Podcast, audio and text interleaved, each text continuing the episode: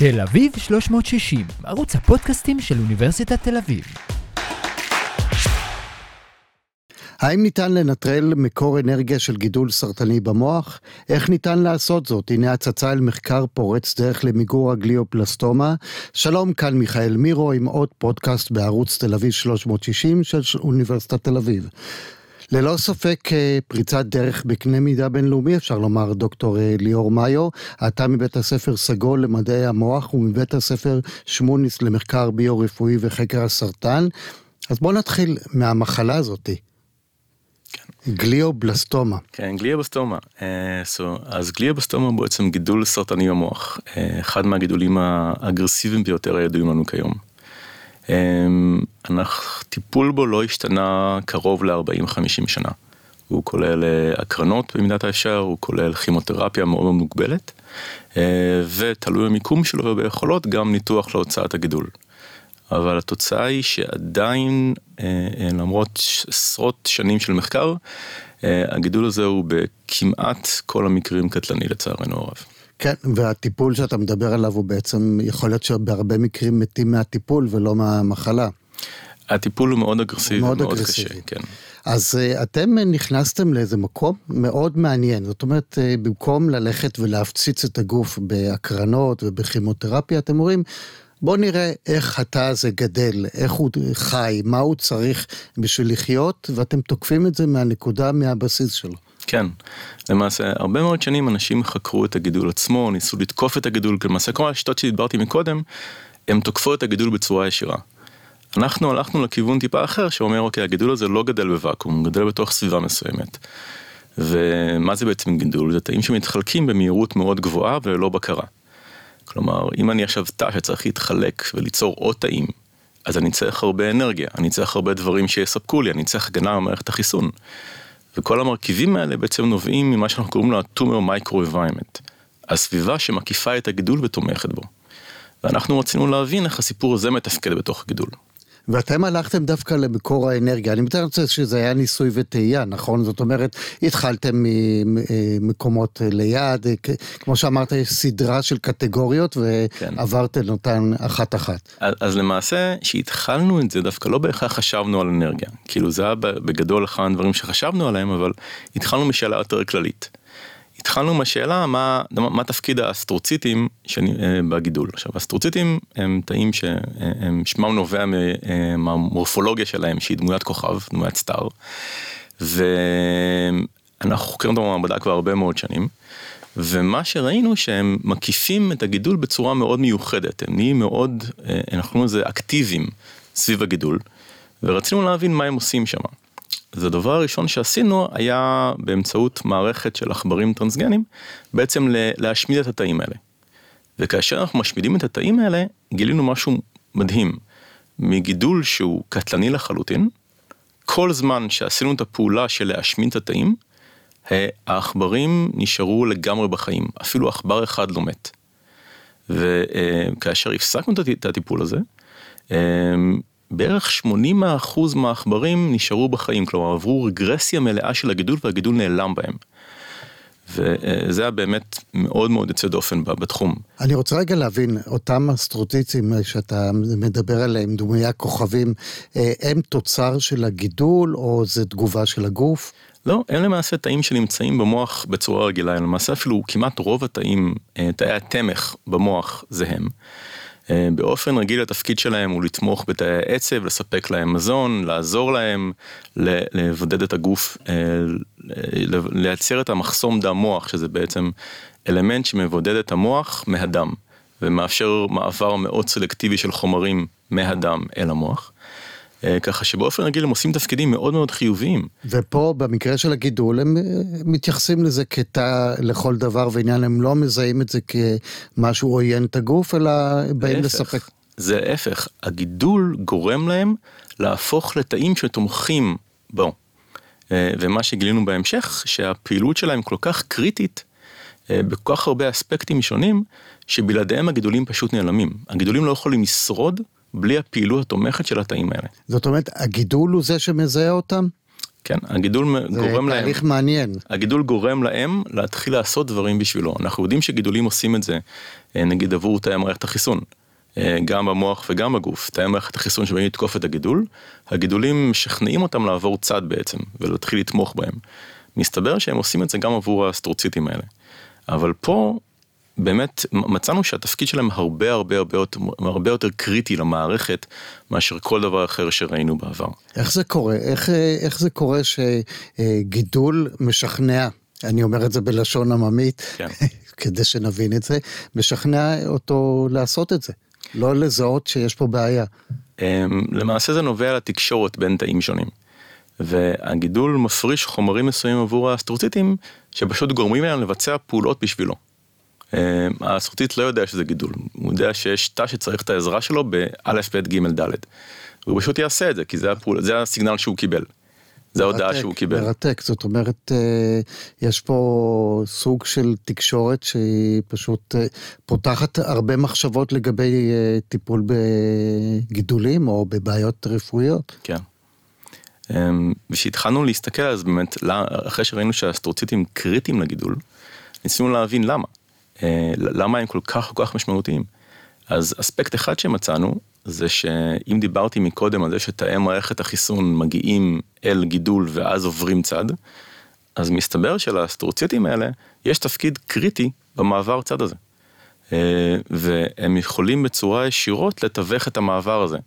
אם לדוגמה אני אקח תאי מערכת חיסון יחד עם גידול, תאי מערכת החיסון יתקפו את הגידול. אבל כאשר אני אוסיף את האסטרוציטים למערכת הזאתי, תאי מערכת החיסון יפסיקו לתקוף את הגידול, ואפילו יבטאו על עצמם אה, מרקרים וסיגנלים שיגידו לתאי מערכת חיסון אחרים שמגיעים לאזור לעצור ולא לתקוף. דבר שאנחנו קוראים לו checkpoint inhibitors. בעצם הם עוצרים את התגובה החיסונית שתקרה בהמשך.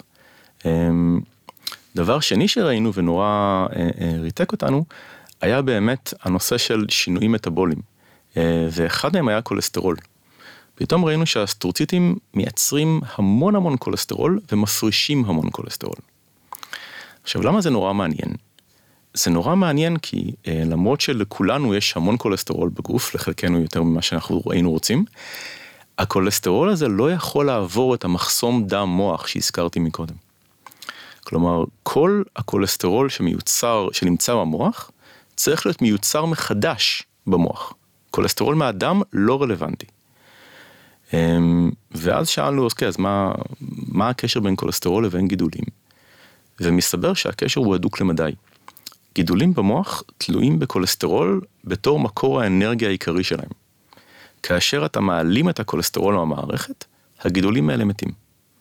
תחשוב שיש לך עכשיו מפעל שמייצר המון המון המון דברים, בהקבלה לגידול, אז במקום לנסות לתקוף חלקים שונים במפעל, או את השומרים, או את הגדר כדי להגיע למפעל, אתה פשוט מנתק את הקו מתח שמזין את המפעל. כן, אבל הכולסטרול משמש אותנו לעוד דברים בגוף, ולא רק את המוח. איך עושים את ההפרדה הזאת? אז זה כל היופי, שהכולסטרול בדם והכולסטרול במוח הם שני פולים נפרדים לחלוטין. בגלל המחסום דם מוח אין קשר ביניהם. כלומר, אני יכול לטרגט בצורה ישירה את מה שקורה במוח, בלי להשפיע על הגוף. זאת אומרת, לפגוע רק בייצור הכולסטרול במוח, כן. שזה דבר שהוא חדשני. אה, כן, כי בעצם הוא פותח קשת של המון המון אפשרויות עכשיו. ושבאמת השתמשנו במודלים שיש לנו על מנת אה, למנוע את המעבר כולסטרול בין התאי האסטרוציטים לבין הגידולים, הצלחנו להגיע להרעבה של הגידולים ולמוות שלהם. ועכשיו אנחנו מנסים לראות איך אנחנו לוקחים את זה וממנפים את זה הלאה. איך, איך עוצרים את זה? זאת אומרת, אה, עד כאן הבנתי את זה ברמה התיאורטית. זה, זה בצורה תרופתית, זה בצורה של... אה, מה אתם עושים? אז במערכת הקודמת מה שעשינו היה להשתמש בחלקיקים דמויי וירוס שיודעים להיכנס אל הרקמה ולהשפיע על תאים מסוימים, במקרה שלנו על האסטרוציטים, וכאשר הם נכנסים אל התא הם גורמים לו להפסיק לבטא גן. במקרה שלנו זה הגן שאחראי על החלבון שמאפשר את היציאת כולסטרול מהאסטרוטית אל הגידול. זה מתכתב עם ה-mRNA למשל? בדיוק, אז למעשה אנחנו מבטאים אלמנטים של SHRNA, שגורמים לדגרדציה או לעיכוב של תרגום ב-mRNA, ולכן מונעים יצירת חלבון ואת הפעילות שלו. זאת אומרת, זה בתנאי שאנחנו יודעים שזה פוגע רק במקום הזה. זאת אומרת... זה כל היופי, בגלל השימוש בחלקיקים האלה, דמויי הווירוס, אני יכול לשלוח אותם בדיוק לאן שאני רוצה. הם יגיעו לאזור שאני רוצה, והם יפיעו על התאים שאני רוצה. זה מאפשר לי סלקטיביות מאוד מאוד גבוהה. זאת אומרת, אני אזריק אותם דרך מערכת הדם, זה יגיע לשם. אני פשוט אזריק אותם ישירות למוח. אה, ישירות למוח. כן. זאת אומרת, אפילו לא נותן לזה את המעבר דרך לא, מערכת ואז הדם. אני, בגלל שאני יודע איפה הגידול נמצא, אני יכול להזריק את זה בדיוק לאזור הגידול, ולכן כל תופעות הלוואי מסביב בעצם הרבה יותר קטנות. כן, עכשיו, כי- אם אני גם מפעיל את האלמנטים האלה בצורה כזאת שיהיו פעילים רק באסטרוציטים מורכבים, אז אני אפילו מוסיף עוד אלמנט של בקרה בטיחותית על הסיפור הזה. אני, לפחות ממה שאני מבין, אה, זאת אומרת, במקום אה, להכניס דברים דרך מערכת הדם ולהגיד שהיא תביא את זה למקום, אתם אומרים לא, לא, לא, אנחנו נלך למקום של הגידול, למקום שבו מתרחש שדה הקרב למשל, ונזריק שם את זה, כי זה מקום שבו החומר יעבוד טוב יותר, ויעיל יותר. בדיוק. אז זאתי אופציה אחת. עכשיו, האופציה היא בעכברים אין לי בעיה לעשות אותה, בבני אדם היא גם מקובלת, הזרקה של וירוסים לסביבת הגידול היא דבר שכבר קיים בשנות ה-80. עכשיו אנחנו פועלים במסלול אחד שהמטרה שלו באמת לקחת את זה ולנסות להעביר את זה לקליניקה ולהיבטים האלה. אבל זה ייקח טיפה יותר זמן, כי צריך לפתח כאן משהו חדש.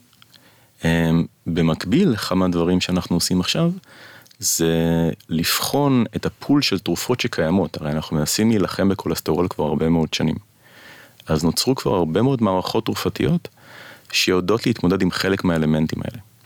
עכשיו, הם לא נוסו מעולם על נושאים כמו גידולי מוח, אה, אבל מצאנו שיש כמה תרופות שיש להן את הפוטנציאל גם להיכנס אל המוח, וגם להשפיע על המסלול שאנחנו רוצים להשפיע. זאת אומרת שכן אני אקח אותה דרך אה, הפה, אה, כמו שלוקחים את התרופות האלה, מהמם. ובעצם זה, זה יגיע למוח מתוך אותו בדיוק. מסלול שאתה מדבר עליו, שהוא יודע לחדור למקום שבו הכולסטרול הרגיל לא יודע.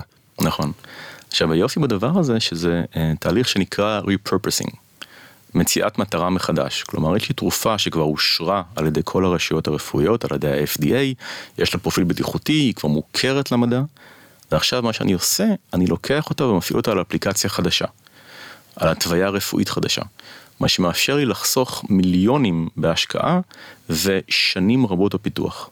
כן, כי יש לך כבר את האישור, אבל אנחנו ראינו בניס... בניסוי של הקורונה שזה גם ריסקי. נכון. עכשיו אנחנו עושים את הניסיונות הפרה-קליניים בדברים האלה, ואני יכול להגיד לך שכבר מניסיונות אה, ראשונים שרצים במעבדה, התוצאות מדהימות לגבי חלק מהתרופות האלה, אה, שלגמרי יכול להגיד שתוך שנה, שנתיים אנחנו נוכל לפחות את האספקט הזה להעביר כבר אל, אל הקליניקה. יש לי שתי שאלות. האם בבדיקת כולסטרול רגילה שאנחנו עושים היום, אה, אנחנו נדע לזהות אם יש פתאום איזו עלייה אקספוננציאלית בכולסטרול, שיש גם בעיה במוח? זאת אומרת, אתה מסב את תשומת ליבו של הרופא או של אה, הרופאה, שיכול להיות שיש גם בעיה במוח? לא, כי הפולים האלה נפרדים. זאת אומרת, אה, כי אתה לא, אתה לא תראה את זה בבדיקת לא. הדם. אין קשר בין כולסטרול בדם לבין הכולסטרול במוח, הם, הם לחלוטין נובעים ממקורות אז אחרים. מפה באה השאלה הבאה, איך עושים את זה? שמזהים לפני כן, זאת אומרת שלא נלך לטפל בגידול, אלא אולי נזהה את התהליך הרבה לפני כן, אה, שמתחיל משהו במוח. לצערי הרב זה כמעט בלתי אפשרי לעשות. אמ, הדרך היחידה להתמודד עם דברים כאלה היא באמת סריקה קבועה של מערכת העצבים. אה, לראות אם קורים בה כל מיני שינויים וזה יהיה רלוונטי להרבה מאוד מחלות, אבל העלויות של הדבר הזה הופכות את זה לפשוט לא, זה. גם, אה, כן. אנחנו לא נחיה, אנחנו נהיה רק בבדיקות, זה, בדיוק. זה, זה לא סביר. אני פשוט ניסיתי לחשוב איזה מרקר אה, שהוא אה, אה, פשוט, לראות אם יש איזה בעיה. אה, זה לא ייתן לנו מרקר טוב, זה לא, זה לא ילך לכיוון הזה. זה בכלל יש בעיה בגידול, בגילוי של גיל, אה, גידולים במוח. זה דבר שכמו שמוכר מהלבלב, ש... בדיוק. אה, זה- יש אה. מקומות שזה זה מתחיל ואתה לא יודע כלום, ואז זה בא בבום. נכון, זה בס- בהרבה מאוד רקמות רכות, כאשר הגידול מתחיל עדיין הרקמה יכולה לפצות, וכאשר כבר מתחילים להופיע סימנים הקליניים בגוף שלנו, כבר הגידול הוא מאוד מאוד משמעותי. אה, ולכן זה הרבה יותר מאתגר. ולפי מה שאתה אומר בעצם אה, כל בדיקות הדם שאנחנו עושים לא נותנות שום אינדיקציה על האיבר אה, מישהו מאוד קריטי בחיים שלנו. בלי המוח אנחנו לא נחיה. נכון, כרגע לא, כרגע ההפרדה הזאת היא מאוד משמעותית. יש כל מיני כיוונים שמדברים על אה, לעשות ליקוויד אה, ביופסי זה דברים כאלה אבל זה טכנולוגיה שהיא מאוד מאוד בהתחלה שלה ועוד לא... אני, אני, זה פשוט מרתק שבעצם הגוף פה מנהל כמה מערכות נפרדות אה, שהן כאילו לא קשורות זו בזו וזה מעניין למה זה. מה, מה זה נותן? זה נותן, אה, זה נותן הגנה על המוח. אה, למעשה, למרות מה שדיסני מנסים למכור לנו, האיבר הכי חשוב בגופנו הוא המוח ולא הלב. הלב זה הרגש. והמוח יעשה, והגוף יעשה הכל כדי להגן על המוח. כלומר, הגוף מעדיף לשלוט בכל מה שייכנס למוח, כדי שלא ייכנסו וירוסים ואלמנטים אחרים וכדומה וכדומה, ואם על הדרך זה גם ימנע כניסה של חומרים אחרים, אז פשוט ייצרו אותם מחדש במוח. עכשיו, בדרך כלל אנחנו מסתכלים על המחסום דם מוח הזה בתור מגבלה. למה מגבלה? כי הוא מונע מעבר של הרבה מאוד תרופות. נגיד כימותרפיה כלפי GBM, גליובסטומה היא מאוד מוגבלת. כי מעט מאוד אלמנטים כימותרפיים יכולים לעבור את המחסום דם מוח. אבל מה שאנחנו הסתכלנו עליו פה זה טיפה הפוך.